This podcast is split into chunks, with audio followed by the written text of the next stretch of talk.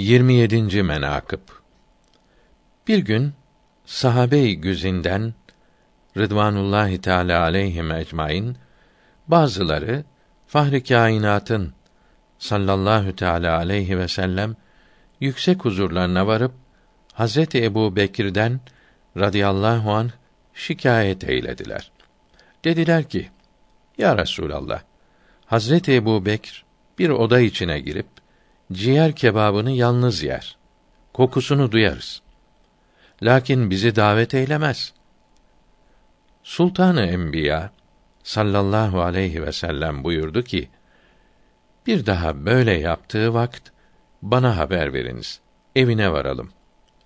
Bir gün yine Hazreti Ebu Bekr bir odaya girdiğinde ciğer kebabının kokusunu duyan sahabiler ciğer kebabı yer diyerek varıp haber verdiklerinde Server-i Enbiya Hazretleri derhal kalkıp Hazreti Ebu Bekir'in olduğu odaya gitti.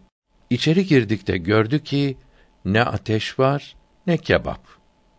Sonra sual etti ki: Ya Ebu Bekir, ciğer kebabını yalnız yer imişsin. Reva mıdır? Ebu Bekr dedi ki, Ya Resulallah, haşa ki ben ciğer kebabını yalnız yiyeyim. Pişen kendi ciğerimdir. Hayrül Beşer sallallahu teala aleyhi ve sellem sebebini sordular.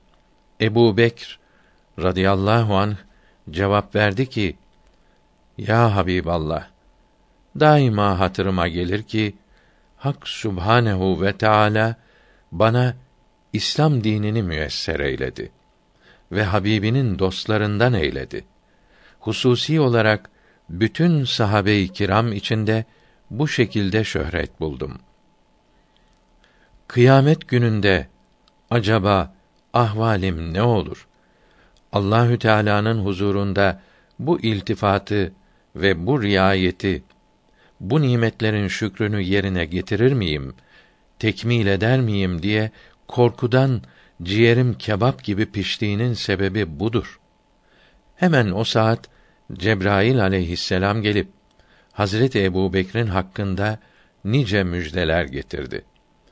Ondan sonra eshab-ı güzinin Rıdvanullahi Teala aleyhi ecmaîn Hazreti Ebu Bekre radıyallahu teala anh muhabbetleri bir iken bin kat fazla oldu.